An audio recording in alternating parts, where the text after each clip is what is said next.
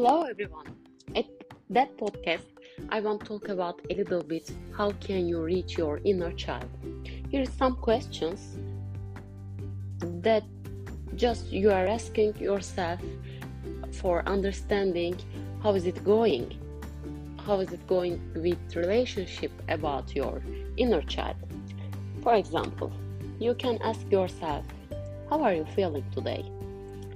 Or what do you need from me as a inner mother? What do you need from me in this moment? What can I do for you right now?